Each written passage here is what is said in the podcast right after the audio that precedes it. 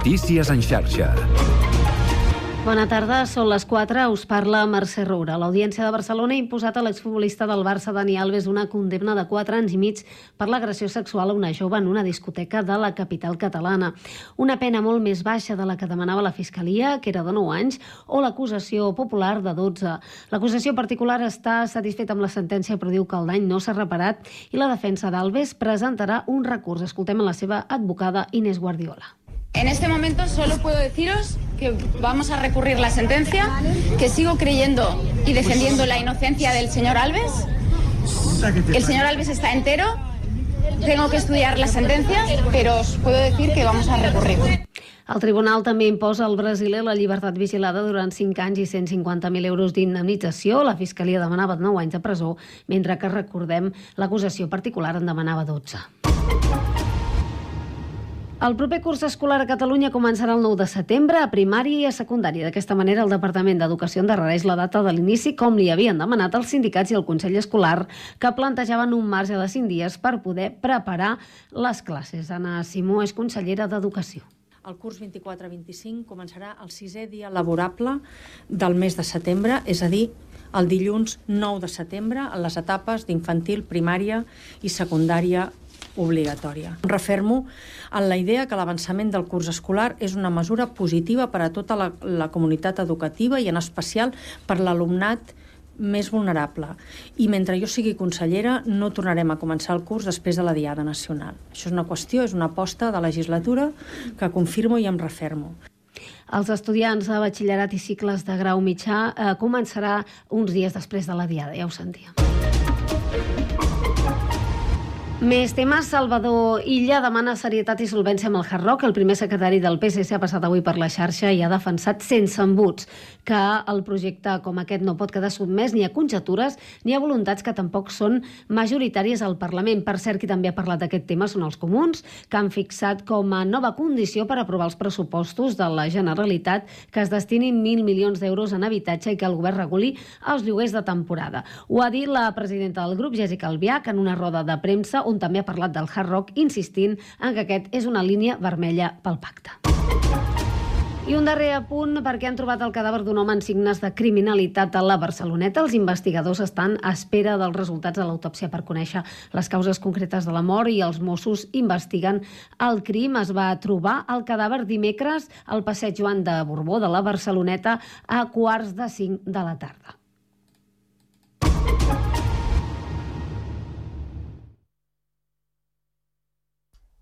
4 i 3 minuts. Comença el Connectats.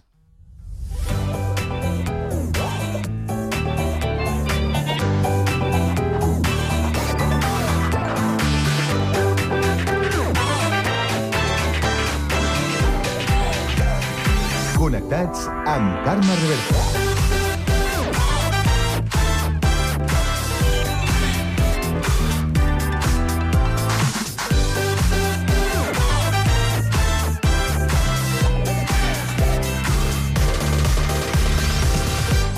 Molt bona tarda, salutacions i benvinguts al magazín de tarda de la xarxa, el Connectats de l'àrea metropolitana de Barcelona, programa que fem i que a més podeu seguir a través de Ràdio Sant Cugat, Ràdio Sabadell, la Municipal de Terrassa, el Prat Ràdio, Ràdio Ciutat de Badalona i Ràdio Castellà.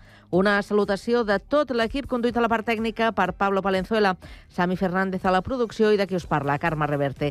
Avui és dijous 22 de febrer i volem saber quin temps ens espera aquesta tarda. Lluís Mi Pérez. Bona tarda, s'estan acabant ja les hores de primavera. A partir d'aquesta mateixa nit, canvi d'aires i, per tant, bona clatellada de temperatura que especialment sentirem ja demà. De moment, les immediates hores encara amb molta suavitat, amb aquest vent de garbí o ponent que continuarà bufant i els núvols que han d'anar més. A hores d'ara en tenim, però no són actius. Al llarg d'aquest vespre i nit sí que començarà a ploure a les comarques de Lleida, no gaire, de forma, a més a més, intermitent. A la resta del país, durant la nit i matinada, hi haurà algun xàfec, fugaç, molt poca cosa, I pel que fa al divendres, doncs aquesta baixada clara de temperatura, molt de vent a les comarques de Tarragona i al matí amb alguns ruixats entre el Maresme i el sud de Girona. Durant la tarda, més xàfecs, amb cota de neu de 700 o 800 metres al Pirineu i Girona, la nevada una mica més important entre l'Alta Garrotxa i el nord de l'Alt Empordà, i a la resta del país la tarda de divendres també tindrà algun xàfec molt efímer i amb aquesta temperatura cap avall, a més a més de vent. Us seguirem a la xarxa.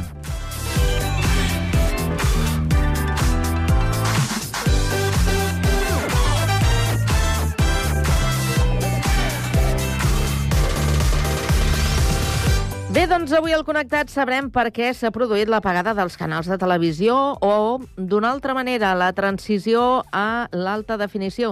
Entrevistarem Guillermo Canal, director gerent de FECEMINTE, la Federació Catalana d'Empreses de Telecomunicacions. Acabarem la primera hora amb la tertúlia generalista per analitzar la prescripció dels casos de pederàstia i la situació dels geriàtrics i les llistes d'espera. A partir de les 5 coneixerem el terrassenc Paco Mata, professor d'imatge personal. Continuarem amb patrimoni per descobrir el patrimoni de la família Tolrà Castellà del Vallès. I acabarem amb cultura per referir-nos a l'òpera Manon Lescaut de la mà de Jordi Torrents, membre de la Fundació Òpera Catalunya. Tot això i més, des d'ara i fins a les 6 de la tarda, a la vostra emissora local. Connectats? Comencem. Dance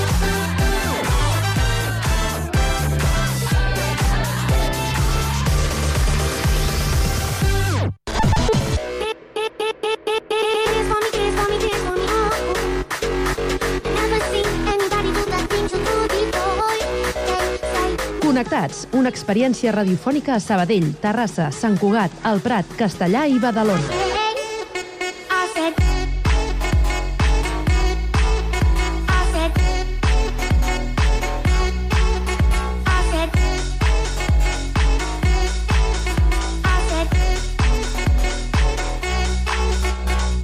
Connectats amb Carme Reverte.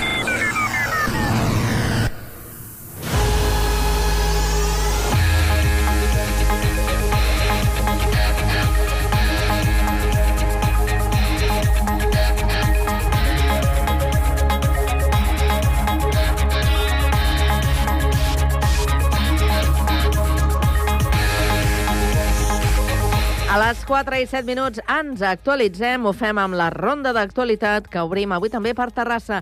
Sergi Estapé, bona tarda. Bona tarda. Els Minyons de Terrassa no participaran a la Diada de Sant Fèlix d'aquest any. Els organitzadors de la Festa Major de Vilafranca han deixat fora la colla Malva, seleccionant la jove de Tarragona com la quarta colla del programa. Després de participar en 36 ocasions a la Diada de Sant Fèlix, la colla de Terrassa cedeix el lloc a la colla jove Xiquets de Tarragona, que només ha actuat quatre vegades a aquesta plaça tan emblemàtica. Els Minyons han, han expressat el seu malestar, els molesta no haver tingut cap conversa prèvia o que no els hagin informat amb prou antelació. Jaume Maeso, president dels Minyons, ha expressat a través del seu compte Dix que la decisió de cedir el pas a la colla jove de Tarragona és totalment lícita, però que podria haver-se pres mesos enrere.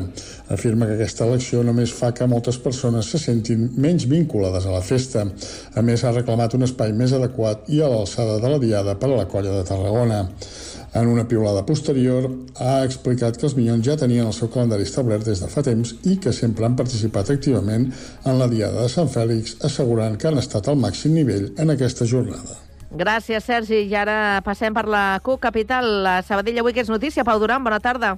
Bona tarda. El 6, 7 i 9 de març es farà Fira Sabadell, la SBD Fira Prop, Fira de Formació i Treball. Serà la segona edició amb el format actual i comptarà amb la presència de 30 centres educatius.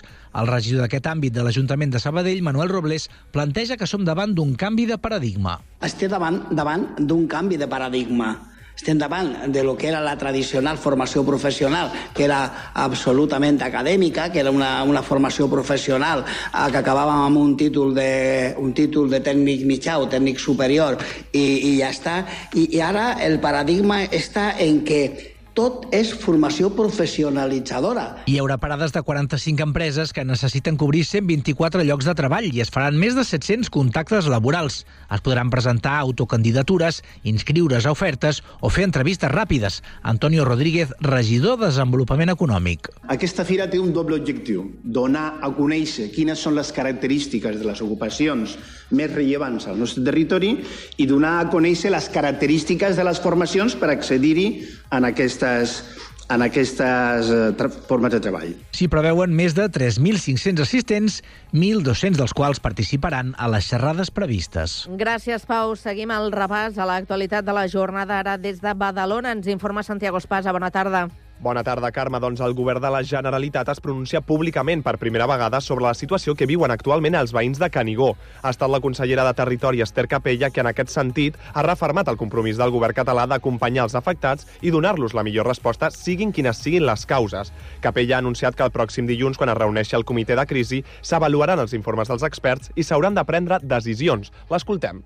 perquè haurem de prendre decisions, s'hauran de eh, doncs, entomar també doncs, eh, segurament, no ho sé, eh, estem pendents de que, del que ens diran els informes, perquè en funció del que diguin els informes s'hauran de prendre decisions que afectaran els diferents edificis. Acompanyem i serem i per donar la millor resposta als ciutadans i ciutadanes de, de Badalona. De fet, l'alcalde de Badalona, Xavier García Albiol, ha anunciat que la propera setmana la consellera de Territori, Esther Capella, visitarà Badalona per abordar la crisi i ha explicat que el govern català s'ha compromès a portar ajuts econòmics per cobrir les despeses que ara mateix està assumint l'Ajuntament. Gràcies, Santiago. I seguim des del litoral, però ara des del Prat de Llobregat. Jonathan Marín, bona tarda. Bona tarda. S'avança la temporada processionària del pi, una eruga que s'alimenta de les fulles d'aquests arbres i que reben el nom de les llargues fileres que fan quan es desplacen per terra. Les altes temperatures de rècord que viu Catalunya són la principal causa que s'hagin detectat aquests insectes al febrer, quan normalment surten dels nius als vols de l'abril. Les erugues d'aquestes espècies tenen uns pèls molt urticants i poden arribar a ser perilloses per la salut, però encara ho són més per les nostres mascotes que fins i tot poden morir amb el contacte amb aquests insectes. Així ho destaca la responsable de la botiga d'animals Can Xiu Xiu, María José Guerrero. ¿Qué sucede mm, si, el- eh, si nuestro perro come o olfatea o lame? En los perros mm, puede llegar a ser mortal o, o con necrosis. Si veiem erugues, cal evitar-les i sobretot no deixar que la nostra mascota s'hi acosti en cas de detectar que la nostra mascota es grata la cara o li costa respirar, cal prendre mesures ràpides. Intentar desprendre els pèls urticants fent servir aigua i trucar al veterinari de forma urgent.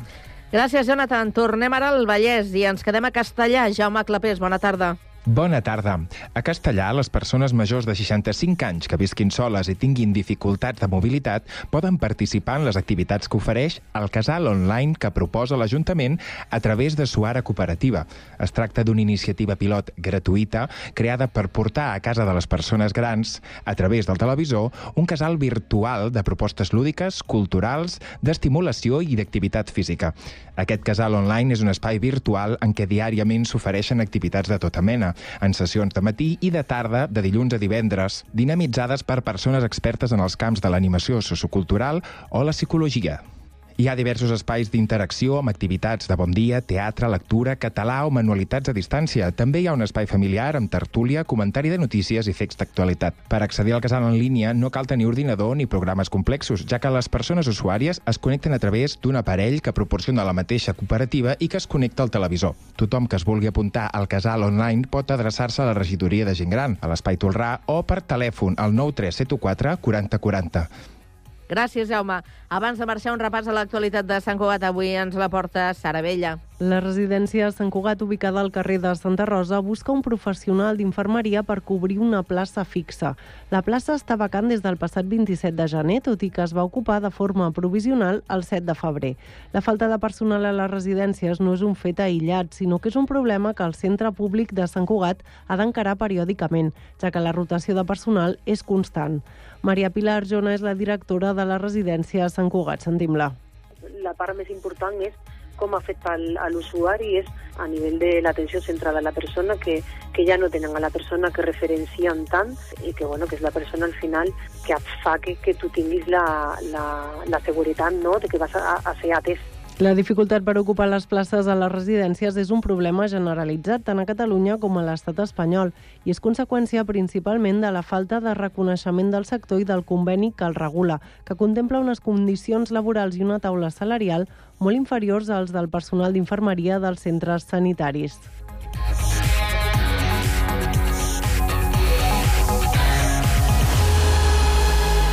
A la tarda, no et desconnectis.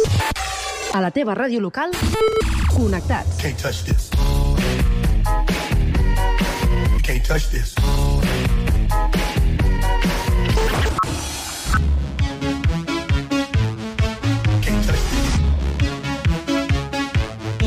Can't touch this.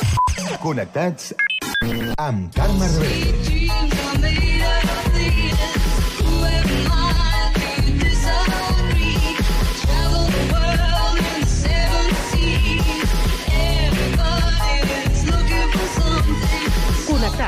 Una experiència radiofònica a Sabadell, Terrassa, Sant Cugat, El Prat, Castellà i Badalona.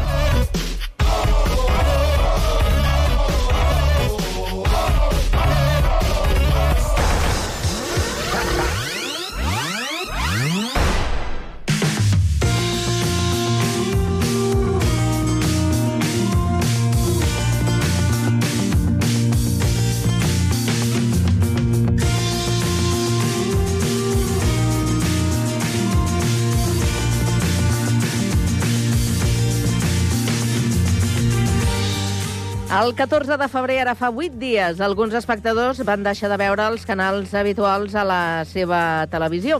Segur que s'han preguntat què ha passat, a què respon aquesta pagada que els ha obligat o bé a comprar una nova televisió o a incorporar un decodificador d'HD. Volem respostes a aquestes i altres preguntes. Per això avui hem convidat a Guillermo Canal, enginyer en telecomunicacions i director gerent de FECEMINTE, la Federació Catalana d'Empreses de Telecomunicacions. FECEMINTE, recordem que agrupa i representa les empreses de l'àmbit de les telecomunicacions en activitat a Catalunya. Guillermo, bona tarda. Hola, molt bona tarda. Per què s'ha produït aquesta pagada? Quin és el motiu? El motiu de la pagada, bueno, està, és una pagada obligada perquè és una decisió presa en comú per tota la Unió Europea i també perquè a, a través de les conferències eh, internacionals que hi ha de radiocomunicacions es va arribar a l'acord de que s'havia de fer una trans- transició de la TDT a més qualitat d'imatge i de so. Aquesta és la raó principal, eh? Mm -hmm. eh, però per què es fa en aquest moment? Es fa en aquest moment perquè, eh, a veure, hi ha, hi ha diversos factors que estan que se superposen. Un d'ells és que la televisió, la televisió clàssica que tots coneixem, està competint amb unes plataformes que ofereixen ja qualitats superiors de les que normalment teníem. Amb la qual si, voler, si la TDT vol competir, no li quedava més alternativa que augmentar de la qualitat de les seves de la seva programació. I aleshores, un és aquest, una és aquesta motivació. L'altra motivació és que a l'espectre radioelèctric, i aquí introdueixo una paraula una miqueta rara, però bueno, diguéssim que és la capacitat que tenim d'enviar eh, informació a través de l'aire, eh, cada vegada hi ha més, més serveis a sobre. I l'espai dedicat o destinat al tema de la televisió s'anava reduint, amb la qual també hi ha un aspecte tècnic que ha, ha d'alguna manera provocat aquesta situa- situació. I el tercer factor també és un tema tecnològic de l'electrònica, de l'electrònica ja parlo dels aparells de televisió i de, i de tots els equipaments que tenim a, a, a casa, que, bueno, que diguéssim que eh, van apareixent noves, eh, noves aplicacions, van apareixent nous productes que d'alguna manera fan obsolets els que, els que, els que hi havia fa un temps. Clar. És a dir, és un cúmul de coses, no? És una que d'alguna forma d'una manera afavoreixen un canvi Mm. eh, destinat, per una banda, a la millora de la qualitat i, per una altra banda, també a potenciar la indústria tecnològica. Clar. Algú es pot preguntar per què eh, uns aparells eh, sí han continuat funcionant i altres no? Sí, molt senzill. A veure, eh, fins ara, el que teníem, la manera de veure la televisió que teníem, era, es, basa, es basava en un estàndard, vale? en un estàndard que es deia eh, ese, eh, de resolució estàndard. Vale? Aleshores, les televisions que hi havia de fa 15 anys, per exemple, eh, només tenien la capacitat de veure aquesta resolució estàndard, és a dir, el número de píxels que té la televisió, tots, tots estem ja acostumats a parlar de píxels, Sí. eh, el del mòbil, el del que sigui. Pues la televisió d'aquella època eh, només hi havia un número determinat de píxels, que eren, en, més dels casos, 600 i pico, eh? Mm. I, clar, si aquesta televisió intenta reproduir una senyal que necessita més píxels, pues, mm, és incapaç de reproduir aquesta imatge. Clar. Per la qual ja depèn de la codificació, perdó, del decodificador de la televisió, és capaç o no de rebre les senyals en HD i processar-les. Eh, podem eh, saber o, o, o se sap quin és el percentatge de, del parc de televisions que, que ha afectat aquesta transició, aquest canvi? Sí, mira, eh, precisament un dels punts per la qual es va retrasar el canvi, el canvi estava previst el mes de gener del 2023. Eh? Vale? Sí. I per raons, sobretot relacionades amb el tema del parc de televisions que hi havia, es va decidir, eh, bueno, es va decidir, decidir, ho va decidir el govern, eh, de que aquest canvi eh, s'havia de retardar fins fa poc, fins al 14 de febrer d'aquest any, d'enguany. Aleshores, el que s'ha intentat fomentar, bastant malament per cert, eh, és que tots els que tinguessin una televisió molt antiga fessin un canvi. Vale? I encara i així hem arribat a que aproximadament el 2% del parc de televisions eh, instal·lades Mm. no fossin capaç de rebre l'HD en condicions. Per Clar. sort, hi ha solucions relativament econòmiques per, per poder continuar utilitzant aquests televisors, evidentment no amb veure la imatge en alta definició, però sí, d'alguna manera, poder veure i captar les imatges. Eh, per on passen aquestes opcions? Perquè, clar, el plantejament eh, en, de les persones que s'han trobat amb aquesta situació era o m'he de comprar una tele nova o bé he d'anar a buscar aquest decodificador. Però sembla que hi ha més opcions, Mm, bueno, teòricament ja no n'hi ha més. no? A veure, no, eh, tu pots decidir si no vols veure la, la, la, la televisió via eh, via TDT, digital terrestre, via aèria, per mm. una antena, pots decidir ve- veure-la per, per, per cable.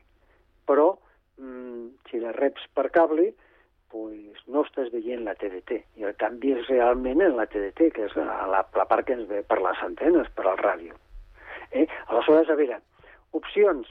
Pues opcions, fonamentalment, i, i bueno, hi ha canvi de televisió, que és una, i després bueno, és comprar un, un, un petit decodificador que val 30, eh, 30 o 40 euros, eh? o comprar elements més sofisticats o aprofitar ja per passar-se a un Google Chromecast o alguna cosa d'aquestes. Però moltes més alternatives no n'hi ha. Eh? Uh -huh. eh, abans eh, crec que has fet referència al que suposa aquest canvi per als eh, telespectadors. Eh, eh, la millora de, de la qualitat és una millora de la qualitat en la imatge i, i el so o hi ha alguna qüestió més? A veure, la millora de, fonamentalment és amb el tema de la imatge i el so. Mm. Vale? Hi ha una, una, una diferència de la qualitat bastant imp imp important, sobretot amb el tema de la, de la imatge. Però també això obre la porta, aquest pas, a la introducció de la ultraalta definició. La ultraalta def definició, que en aquests moments Televisió Espanyola està emitint, Mm. L'altra de definició és la televisió en 4K i com dona la porta d'entrada a aquesta, a aquesta nova qualitat d'imatge i de, de, de, de, de so, és un pas, realment, és un pas intermig per arribar al 4K. I aleshores mm, és un pas obligat intermig. Mm. Eh, mm, clar, jo ara tenia previst eh, preguntar-te per, per alguns conceptes, com per exemple els que a, acabes d'introduir, eh, l'UHD eh, i el 4K, a més del múltiplex. Clar, això a la gent del carrer se li escapa del tot, no? Vale, vale. A veure, comencem per lo, per lo fàcil, vale? Vinga. D'acord? A veure, el múltiplex, vale? Això mm, no comporta res d'informació addicional per la, pels que vivim el dia a dia fora de la tecnologia. Mm. Vale? Nosaltres veiem la tele i ja està. A nosaltres la, la televisió ens arriba a través d'uns canals radioelèctrics. Vale? Aquests canals radioelèctrics es gestionen a través d'un multiplexor. Mm. Vale? Que és el, vale? Sí. Però és un aspecte tècnic, que no té més, més qüestions que els tècnics. Vale? D'acord? Correcte, No sé sí. si m'he explicat. Vale? Sí, sí, sí. Ara, a- a- aquest és un, és, és un, és un, element, un element. Normalment, els multiplexors, que és un concepte tècnic, eh, insisteixo amb això, eh, són o estan gestionats per entitats diferents. Cada entitat té un multiplexor o la meitat d'un multiplexor eh, o dos multiplexors. D'acord? Aleshores, els programes de televisió, eh, els de SD, ocupen un trosset d'aquest multiplexor. Els programes de televisió HD ocupen una miqueta més d'aquest multiplexor. I, el, I els programes en UHD utilitzen una miqueta més que els de HD. De tal manera que amb la res resolució estàndard, la SD, es podien posar dintre d'un multiplexor fins a 8 canals. Sí. Mm. Amb HD, 4 canals. I en UHD, amb la tecnologia que tenim en aquests moments, dos canals. Vale? Sí, sí, sí. Molt visual, sí. Ho dic, però molt genèric, eh, això que, que, que estic dient, perquè realment després hi ha una codificació també dels canals, que alguns televisors també les poden, la poden captar, que les de, és la de DVT2, que permet que aquests amples de banda siguin diferents i més petits. Vale? Però no entrarem aquí. aquí. Vale? Bé, primera cosa. Aleshores, HD, que és el que d'ara totes les emissores han d'emetre en HD, és alta resolució. Sí. Vale? El següent pas eh, és el UHD, ultra alta definició. Sí. Vale? Uh -huh. I aquí, el, la definició sí que introdueix el 4K. Les imatges que veiem amb UHD són imatges en 4K si l'aparell de televisió té la capacitat de reproduir imatges en 4K. Uh -huh. Sí. Vale? No sé si m'he acabat d'explicar tot perquè és... Sí, sí, sí, sí, No, sí. És, és una no. mica complexa, per això volíem abordar el tema per entendre una mica, eh, primer, que, per què es produïa aquesta apagada i, i, i per què s'ha fet ara. Però vaja, eh, entenem la, la, la complexitat i, i, i entenem la, la situació. Eh, mm, com ens queden res, un parell de minutets, també m'agradaria preguntar-te per... Eh, eh, clar, eh, tots els avenços de, de la tecnologia eh, fan inevitables tots aquests eh, canvis. Eh, quins són els canvis que ens esperen a, a, en el futur i cap a on apunten? Perquè, clar, això és... Sempre estem en el camí, no? Camí cap a, cap a on, ara? A veure, ara anem... A veure, d'alguna manera hi ha dos aspectes a tenir en compte. Primer és la televisió que ens arriba via ràdio, és una televisió que està en funcionament des dels anys 50, d'acord? Uh -huh. Ha anat ocupant més espectre de freqüència i després ha anat reduint-se l'espectre disponible degut a que hi ha més serveis en marxa, per exemple, el 5G, el 4G, la telefonia Mm. mòbil i uns altres ser- serveis. Amb la qual, per una banda, això ha provocat uns canvis. Per exemple, no sé si recordarem el primer dividend digital, el segon dividend digital i coses d'aquestes que han, d'alguna manera, marcat uns canvis. En un principi, aquest sistema que tenim en aquests moments de TDT es mantindrà fins al 2030, d'acord amb el que s'ha acordat a la Conferència Mundial de Radiocomunicacions. Vale? Mm. I el pròxim canvi, pròxim Sí. canvi, és que les emissions passin de HD a UHD. Mm. ¿vale? de alta definició a ultra alta defi- definició. I, I que els receptors siguin capaços de rebre eh, en codificació de B, B, T2. a dia d'avui ja és obligat que totes les noves televisions portin aquest sistema eh, de codificació per, perquè estiguin adaptades per al pròxim canvi. Val. O sigui que per al pròxim canvi no caldrà que ens tornem a comprar una tele, no caldrà un altre decodificador, almenys així mm, uns, uns anyets, no? Com a mínim un, uns anyets, però no gaires, eh? jo suposo que dintre de dos o tres anys tindrem, tindrem algun canvi nou. Eh? Però sí que és cert, tothom que ha comprat una tele des de fa cinc anys enrere ara, Sí. eh, això està sol, sol, solucionat. L'única cosa que l'obsolescència, evidentment, tecnològica, això sí que, bueno, és una cosa que, que ens afecta a tots. Tots tenim que canviar el mòbil cada cert temps perquè resulta que ens, ens ha quedat antic, no, no funciona correctament o, o li falten o li falta mm. memòria o li falta no sé què, o a l'ordinador personal i coses d'aquestes. Estem dintre d'un món que té una evolució i, i, bueno, i a vegades molt més ràpida de la que Molt ràpida. Mm. som capaços de seguir, però... Sí, sí, sí, sí, sí. Bé, doncs, res, aquell electrodomèstic que tenim eh, a casa, al menjador, i que de sobte doncs, eh, se'ns va apagar el dia 14 de, de febrer, ja hem esbrinat el, el motiu i el per què. I li agraïm moltíssim al Guillermo Canal, el eh, director gerent de FECEMINTE, la Federació Catalana d'Empreses de Telecomunicacions, que s'ha prestat doncs, a fer-nos aquesta explicació. Gràcies, Guillermo, i molt bona tarda. Gràcies a vosaltres. Adéu-siau. Molt bona tarda.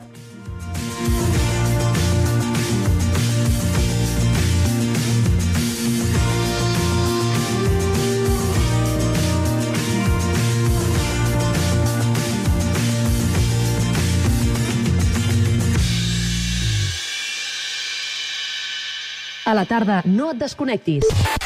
A la teva ràdio local, connectats. Can't touch this. You can't touch this.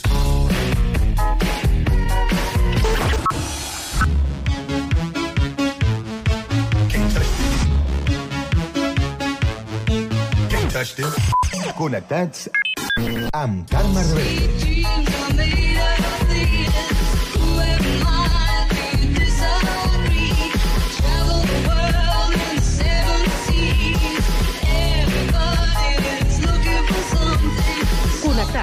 Una experiència radiofònica a Sabadell, Terrassa, Sant Cugat, El Prat, Castellà i Badalona.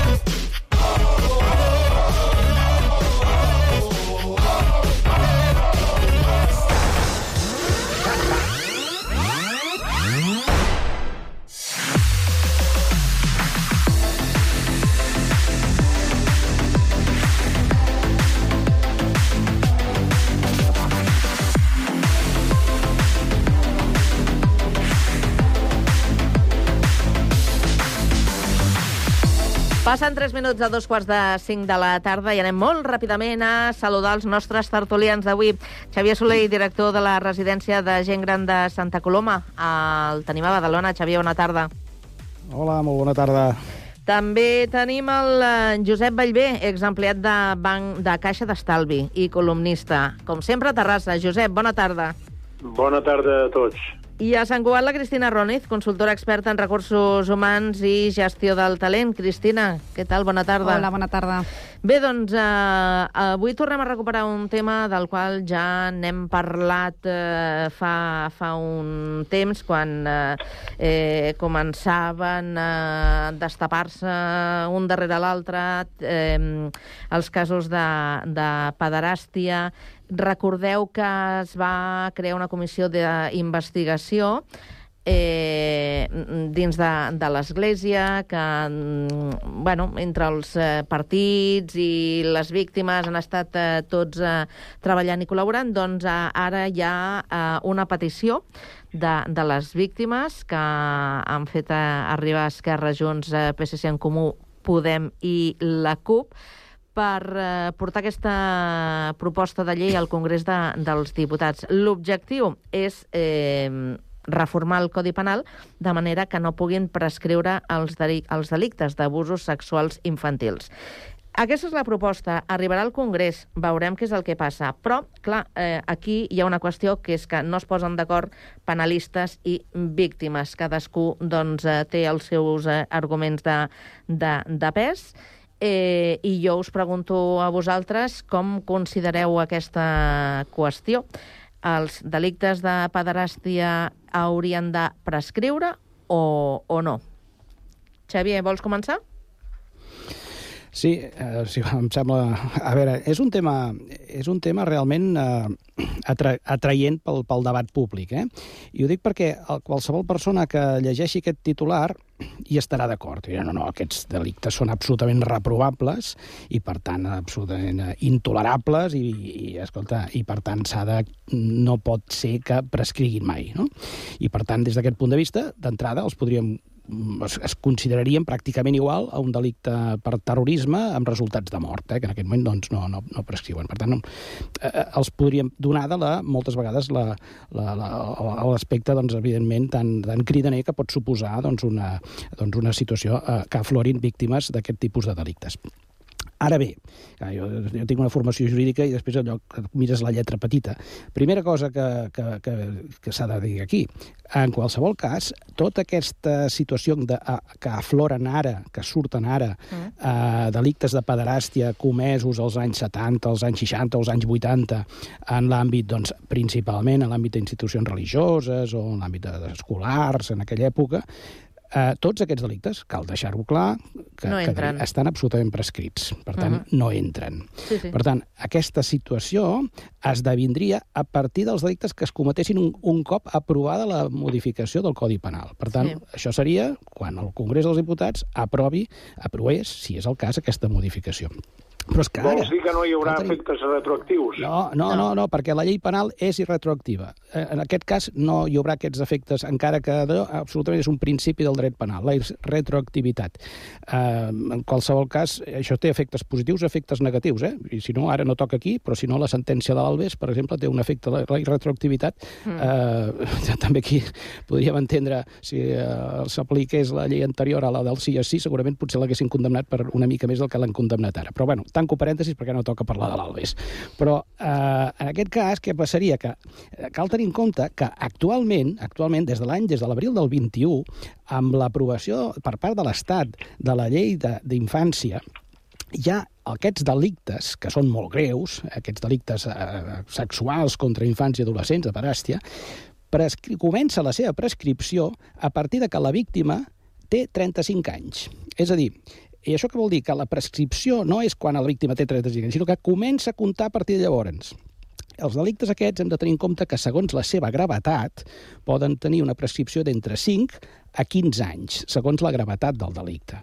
Per tant, una persona que, una víctima que eh, tingut, eh, se li ha comès a partir, de, de, de, diguéssim, del 21, eh, a partir de l'any 21, eh, amb 12 anys, posa, per exemple, que hagi estat víctima d'aquest delicte, eh, a l'any eh, quan faci els 35 anys, aquesta, aquesta víctima, se li començaria a comptar el termini de prescripció. I si el delicte és molt greu, hem de tenir en compte que transcorrerien 15 anys més, eh? per tant, ens n'aniríem que aquest delicte, eh, eh, eh, pràcticament, quan aquesta persona tingui 50 anys, fins al moment que tingui 50 anys, podria, podria denunciar-lo.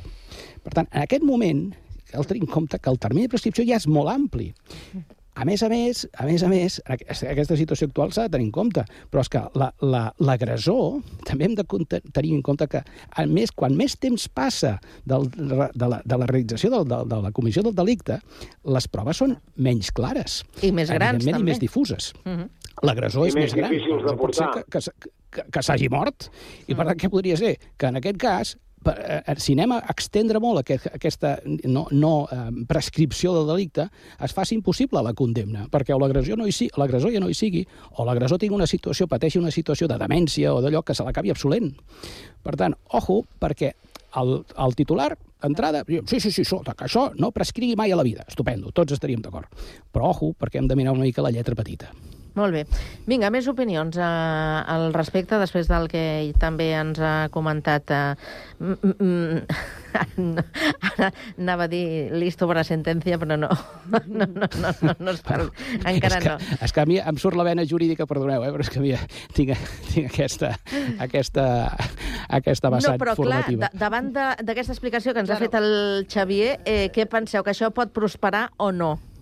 Bueno, yo delante de la explicación de este, de este análisis que nos ha hecho Xavier, eh, pues, uy, delante de su análisis, pues entiendo, ¿no? Es- Este, em, bueno, estos argumentos que, que da y, bueno, y realmente te das cuenta, pues que puede pasar precisamente esto, ¿no? Pues que ya el, el agresor, pues, pues ya sea muy mayor, hayan desaparecido las víctimas, entonces, bueno, hay las pruebas, eh, con lo cual, pues, bueno, a lo mejor quizás es más difícil, ¿no? Que, que prospere esta, esta propuesta y quizás por eso los penalistas dicen que no lo ven muy claro, ¿no? Que realmente se pueda, se pueda aplicar.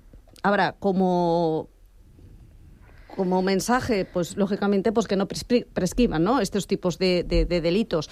Ahora, mm, bueno, si no es posible, pues, pues bueno, creo que también lo que comentaba, ¿no? Y hay unos, un- el margen es bastante amplio como para poder eh, denunciar. Luego Mm. entraríamos en que a lo mejor ahora es mucho más fácil denunciar y podemos justificar pues que hace 30 años pues, pues todo era mucho más mucho más complicado, ¿no? Aparte de las secuelas a nivel mental y psicológico pues que, que dejan en las víctimas este tipo de, de agresiones, ¿no? Uh -huh. Deien Jo, les... després de, després de l'aportació que ha fet el Xavier, Mm. eh, entenc que eh, poca cosa s'hauria de poder afegir perquè el que en sap, en sap, no? I, per tant, els de més hem d'escoltar molt. A mi el que em sorprèn d'entrada, eh, estem tots d'acord amb, amb la fundària i amb la, amb la incidència que pugui tenir això, i estaríem tots d'acord, com dèieu, em sorprèn l'abstenció de la CUP, l'abstenció de la CUP, eh? el PP ja no, no em preocupa tant, però m'indigna, m'indigna, i dic m'indigna, eh, i ho remarco, sense cometes, la, per exemple, la renúncia a presentar-se quan el citen el cardenal Omella, eh, eh, el cardenal de Barcelona, a la comissió que es va crear amb aquest tema, eh, envers aquest tema al Parlament de Catalunya. Cardenal Omella, no oblidem, que a, a 31 de desembre d'enguany, del 2024, se li acaba la seva, la seva adscripció a la diòcesi de Barcelona, de la qual ja hauria d'haver a la qual hauria d'haver renunciat perquè ultrapassa els 75 anys, però, com que és el president de la conferència episcopal, un càrrec va lligat amb l'altre, quan prescrigui lo de, quan deixi de ser president de la conferència episcopal, doncs eh, Roma, el Sant Pare, haurà de buscar-li un substitut. Ja veurem qui ve. A mi em sorprèn, eh, o sigui, el que m'indigna és això, i després, en un país, faré referència a una cosa molt puntual, només com a pinzellada, perquè donaria tema per parlar largo i tendido. A l'any 85, aviat farà 50 anys, el, el, el famós batlle, alcalde de Jerez, Pedro Pacheco, va dir en un moment determinat públicament que la justícia era un cachondeo i se'n va anar a la garjola. Se'n va anar a la garjola, literalment per dir això. I jo eh, crec que temes com la prescripció, la inviolabilitat, la immunitat, els indults, els indults i l'amnistia, sento, no voldria entrar en el rerefons polític perquè en, ens, en, en, ens empantanaríem, ens empantanaríem tots. Eh, crec que són termes que s'haurien de deixar. I última cosa que dic, clar, aquí la, la classe política, començant per la màxima figura mm, més, de, més representativa que una altra cosa, que és la, la monarquia, el rei, eh, el rei emèrito, en el seu moment, els missatges de Nadal, doncs deia que la justícia és igual per a tots, ja ho vam veure, i el seu fill, doncs, al Nadal del 2021, doncs apel·lava a la integritat de les institucions. Quina, si la primera institució del país, la que hauria de donar més exemple, doncs no, no, no els dona. Mm, És un tema és un tema pelut, és un tema interessant, un tema morbós que la gent li pot interessar. Crear una comissió. A mi la creació de comissions en l'àmbit parlamentari, tant a Catalunya com a Madrid, em sona a una manera de diluir el temps, o sigui, el- els temes en el temps, i qui dia passa any empeny. Eh, Sí, hi, ha- hi, ha, hi ha una qüestió eh, eh, per part de les eh, víctimes que defensen que aquesta mesura, eh, el fet de que, que no prescriguin, eh, ja no estan pensant en ells, com ha dit abans el Xavier, no hi ha efecte retroactiu, però sí que estan pensant en les eh, futures víctimes. Per tant, el que ells parlen és d'un efecte eh, exemplificant, saps? D'intentar que, Sí. que serveixi com a mínim de... Eh, Sí. És, és una mica el que, el que volia apuntar, que Sí? també la legislació penal la legislació penal té com a altra missió és donar missatges a la societat. És una mica dir, escolta, és com allò, porteu-vos bé, eh? porteu-vos bé, que si no, mireu què us pot passar. No? Clar. I, per tant, el, el, el Codi Penal, eh, i en la mesura que fixeu que és una de les lleis que es modifica amb, amb més freqüència, eh? Vull dir, no, no totalment, però no es fan modificacions eh, absolutament, però sí que es van, es van apedaçant trossos, eh, trossos del Codi Penal a mesura que van sortint situacions o casos que d'alguna forma a nivell social fan exclamar de dir això no està ben regulat, no? i penalment això hauria de comportar doncs, una pena més alta o fins i tot al revés, no? de dir, home, això aquí s'han passat, no? I potser això és una cosa decimonònica de, de, de fa molts segles i ara no caldria sancionar-la d'aquesta manera. Però el Codi Penal es va adaptant a la societat. Clar, la societat en aquest moment també reclama una major contundència sobre aquest tipus de delictes. És, aquesta modificació jo crec que té un efecte titular, un efecte exemplar, o aquesta proposta de modificació, perquè jo crec que tothom sap que a efectes pràctics, eh, amb, la, amb la situació que tenim ara, és més que evident que algú que vulgui denunciar aquests fets ho pot fer, amb, amb, amb, té molt temps de, de coll per fer-ho, no?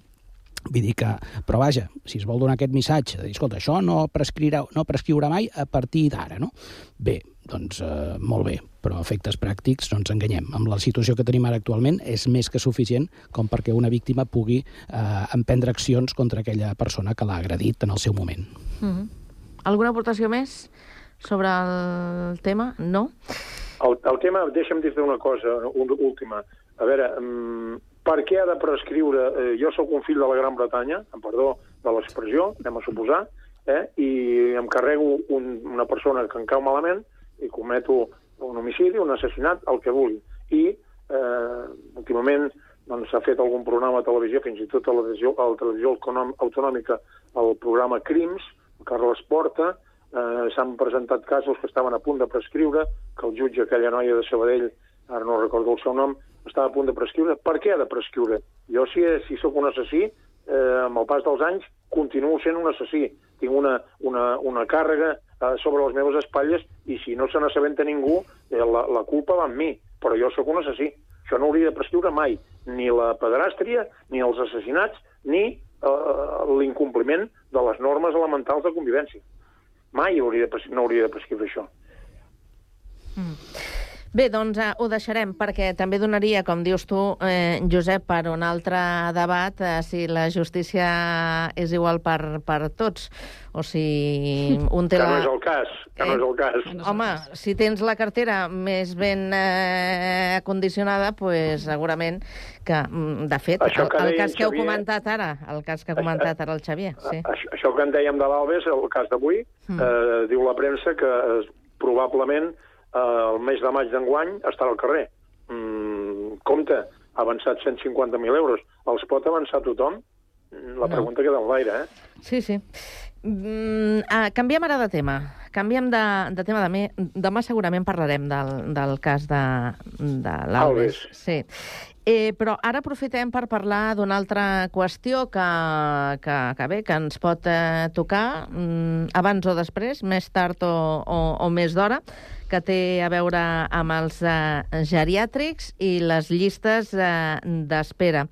Eh, D'això el Xavier també ens podrà parlar amb coneixement de, de causes, segurament, perquè ja fa, fa uns mesos, crec que el mes d'octubre o així, no sé si va ser eh, aquest mes, la Conselleria va presentar un primer cercador, mm, un primer cercador mm, a, a l'Estat, no?, per saber doncs, eh, quantes places públiques hi ha disponibles a, a Catalunya. També ofereix altre, un altre tipus de- d'informació, però clar, mm, resulta que la informació que també eh, ens arriba és que hi ha un 59% de, de, de geriàtrics que tenen llista d'espera de, de més d'un any. Això què vol dir? Que la població ha envellit i no s'ha fet una previsió suficient? a veure, aquest, aquesta em toca per, per, per temes de feina, bàsicament. Vinga. No? Uh, Òbviament. A veure, Sí, uh, jo, sí, a veure, de fet, de fet, les llistes d'espera en la que són places públiques han existit sempre. O sigui, no hi ha hagut cap època, uh, en anys pretèrits, que no hi hagués hagut llista d'espera en places públiques. Eh? Sí. Places públiques no vol dir només residències públiques. Aquí també cal distingir que les places públiques estan, lògicament, en residències privades, concertades, Concertades, i sí. són les, són les residències públiques, com la que en aquest moment em toca a mi dirigir aquí a Santa Coloma. No? Uh, I jo poso un exemple. A Santa Coloma, si busqueu el cercador de residències, que també hi sortim, lògicament, doncs la, la mitjana, en- és comptat, em sembla que són dos anys mm, i set o vuit mesos, aproximadament.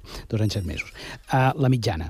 Que això vol dir, que, i aquí també poso una mica el, el parèntesis, que uh, la llista d'espera està més, uh, és més uh, llarga amb dones que en homes, per un tema de, de mortalitat, que els Mhm. homes, en aquest, la mitjana de, de mortalitat de, de, de, de, de, són 80 anys, i la de les dones s'estira més, és 86, i en aquest cas tenim que els homes eh, tenen una llista d'espera de a efectes pràctics de dos anys i mig, aproximadament, i les dones de 3 anys i, i, i pico, 3 anys i mig, potser. O sigui que, per tant, se'ns en va més enllà si eh, la llista d'espera eh, de dones, en aquest cas aquí a Santa Coloma. Uh, el cercador, si algú s'hi entra a buscar-lo a través del Departament de Drets Socials, realment és una eina força interessant i il·lustrativa, posa, és molt transparent. A veure, una cosa que tam- també, per altra banda, ha decidit el, el Departament i el Govern, és dir, escolta, posem sobre la taula la situació de, de llista d'espera.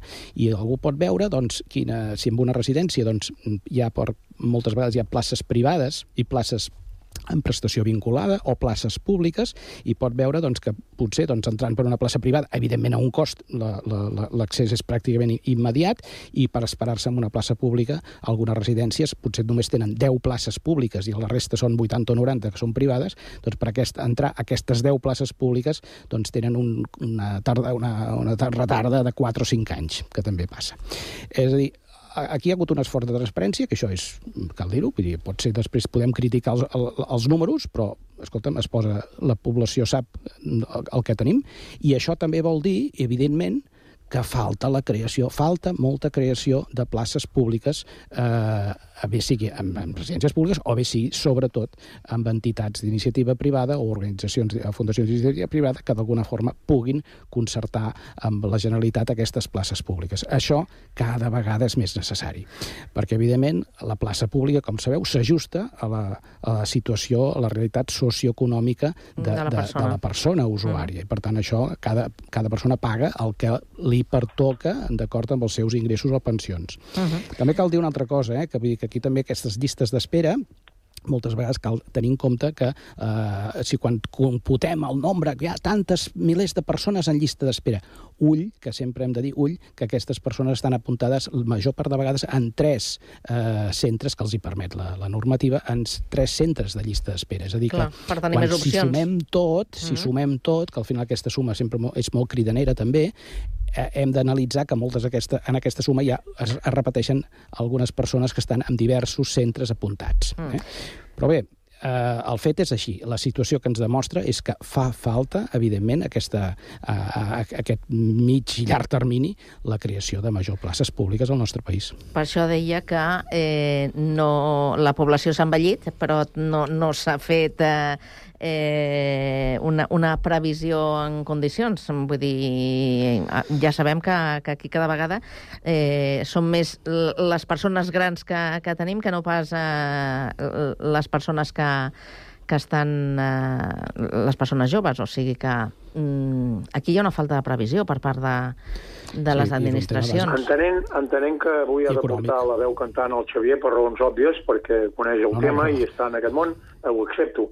Per fer una aportació molt curta i molt ràpida, i mm, faré una, unes, unes comparacions. Si amb el tema de la sequera el govern català no ha fet res, en 15 anys pràcticament res, si amb el tema del quart cinturó, que ha, co- ha conne- connecta ara per ràpidament després de 17 anys de- d'endarreriments les comarques del Vallès Occidental amb el Baix Llobregat, per exemple, 17 anys, i amb el tema, eh, són dos temes que s'han, s'han mm, diguem-ne, que podrit durant, al llarg de tant temps. Si ara que trobem aquest tema, que és un tema preocupant, eh, no posem el fil a l'agulla, bueno, ni dit àpat, eh? Vull dir, és el moment per, per dir, posem-nos-hi, posem-hi, però seriosament. Ah? Ara, permeteu-me permeteu una cosa. Això és un tema també de finançament econòmic. I aquí cal posar eh, sobre la taula exemples. Les, per exemple, les comunitats autònomes uniprovincials, com poden ser la Rioja, Navarra o algunes d'aquestes comunitats petites, les llistes d'espera en places públiques són molt escasses. I, per tant, què vol dir? Que eh, hi ha un, un major finançament, un, un millor finançament, i amb la qual cosa, doncs per què? Perquè són, són uni, unitats més petites, o, per exemple, el País Basc. El País Basc és un, és un cas. Al País Basc no hi ha les llistes d'espera que tenim aquí. Per tant, també és un tema de finançament molt important i que aquí juga no només l'aportació que fa la Generalitat, perquè aquí, des del seu moment, la llei de dependència assenyala també que hi ha una, una aportació necessària per part de l'Estat, que no s'està duent a terme des de fa molts anys en el número que tocaria. Per tant, a part de que pugui ser més o menys costós crear aquestes places i que alguns governs s'encallin, que jo no dic pas que no sigui així, hi ha un problema de finançament i no només és un problema del pressupost de la Generalitat. Haurem de fer cua, no, Cristina? ¿O qué? Pues sí, ¿no? Y y yo creo que, por lo- con, lo, que- con lo que comentaba Xavier, está claro que en otra cosa más las mujeres parece que salimos un poquito más, más afectadas, ¿no? Eh, bueno, está claro que, se necesita más, inversión en, el tema de, de las residencias, tanto pública como, como privada. Esto también eh, afecta, mira, hoy, hoy justamente quiero introducir un poquito este tema, es el Día de la Igualdad Salarial. Entonces, bueno, creo que esto también está relacionado con el tema de, de- de las mujeres, ¿no? Porque al final las mujeres somos las que asumimos la mayoría del cuidado tanto de los hijos como de las personas mayores y, lógicamente, pues si no hay residencias donde podamos eh, puedan estar pues nuestros nuestros familiares, esto también afecta a que la mujer pues después que ha dedicado mucho tiempo al cuidado, luego de los niños, de los hijos, tenga que dedicar también mucho cuidado, muchas horas de, de cuidado también a los, a los padres y a las madres, ¿no? Esto también nos afecta a nivel, a nivel de, de trabajo, a nivel de salario, etcétera, etcétera. Digo por, por dar unas pinceladas justamente Una mica hoy. Exacto. Hoy justamente han salido algunos, algunos estudios sobre, sobre esa desigualdad salarial eh, que hay entre hombres y, y mujeres, sobre la brecha, la brecha salarial, que bueno, estamos hablando aproximadamente eh, de un 20%, y precisamente todo el tema este de la falta de inversión y estas largas listas de espera en las residencias afecta directamente pues también a que las mujeres pues tengan que trabajar más eh, en jornadas eh, parciales, etcétera, etcétera. Por añadir un poquito, aprovechando que hoy es el día. Hem agafat una altra derivada que també estava bé de, de destacar. Xavier, eh, Josep, Cristina, gràcies per aquesta estona de conversa. Fins a la propera. Molt bé, moltes... Vinga, bona Moltes tarda. Adéu-siau. Bona tarda. Bona Bona tarda. tarda. Gràcies.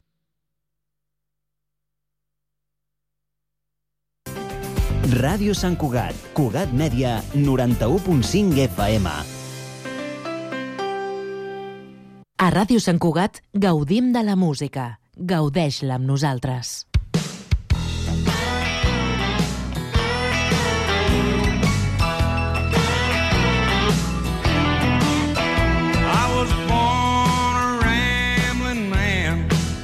With swamp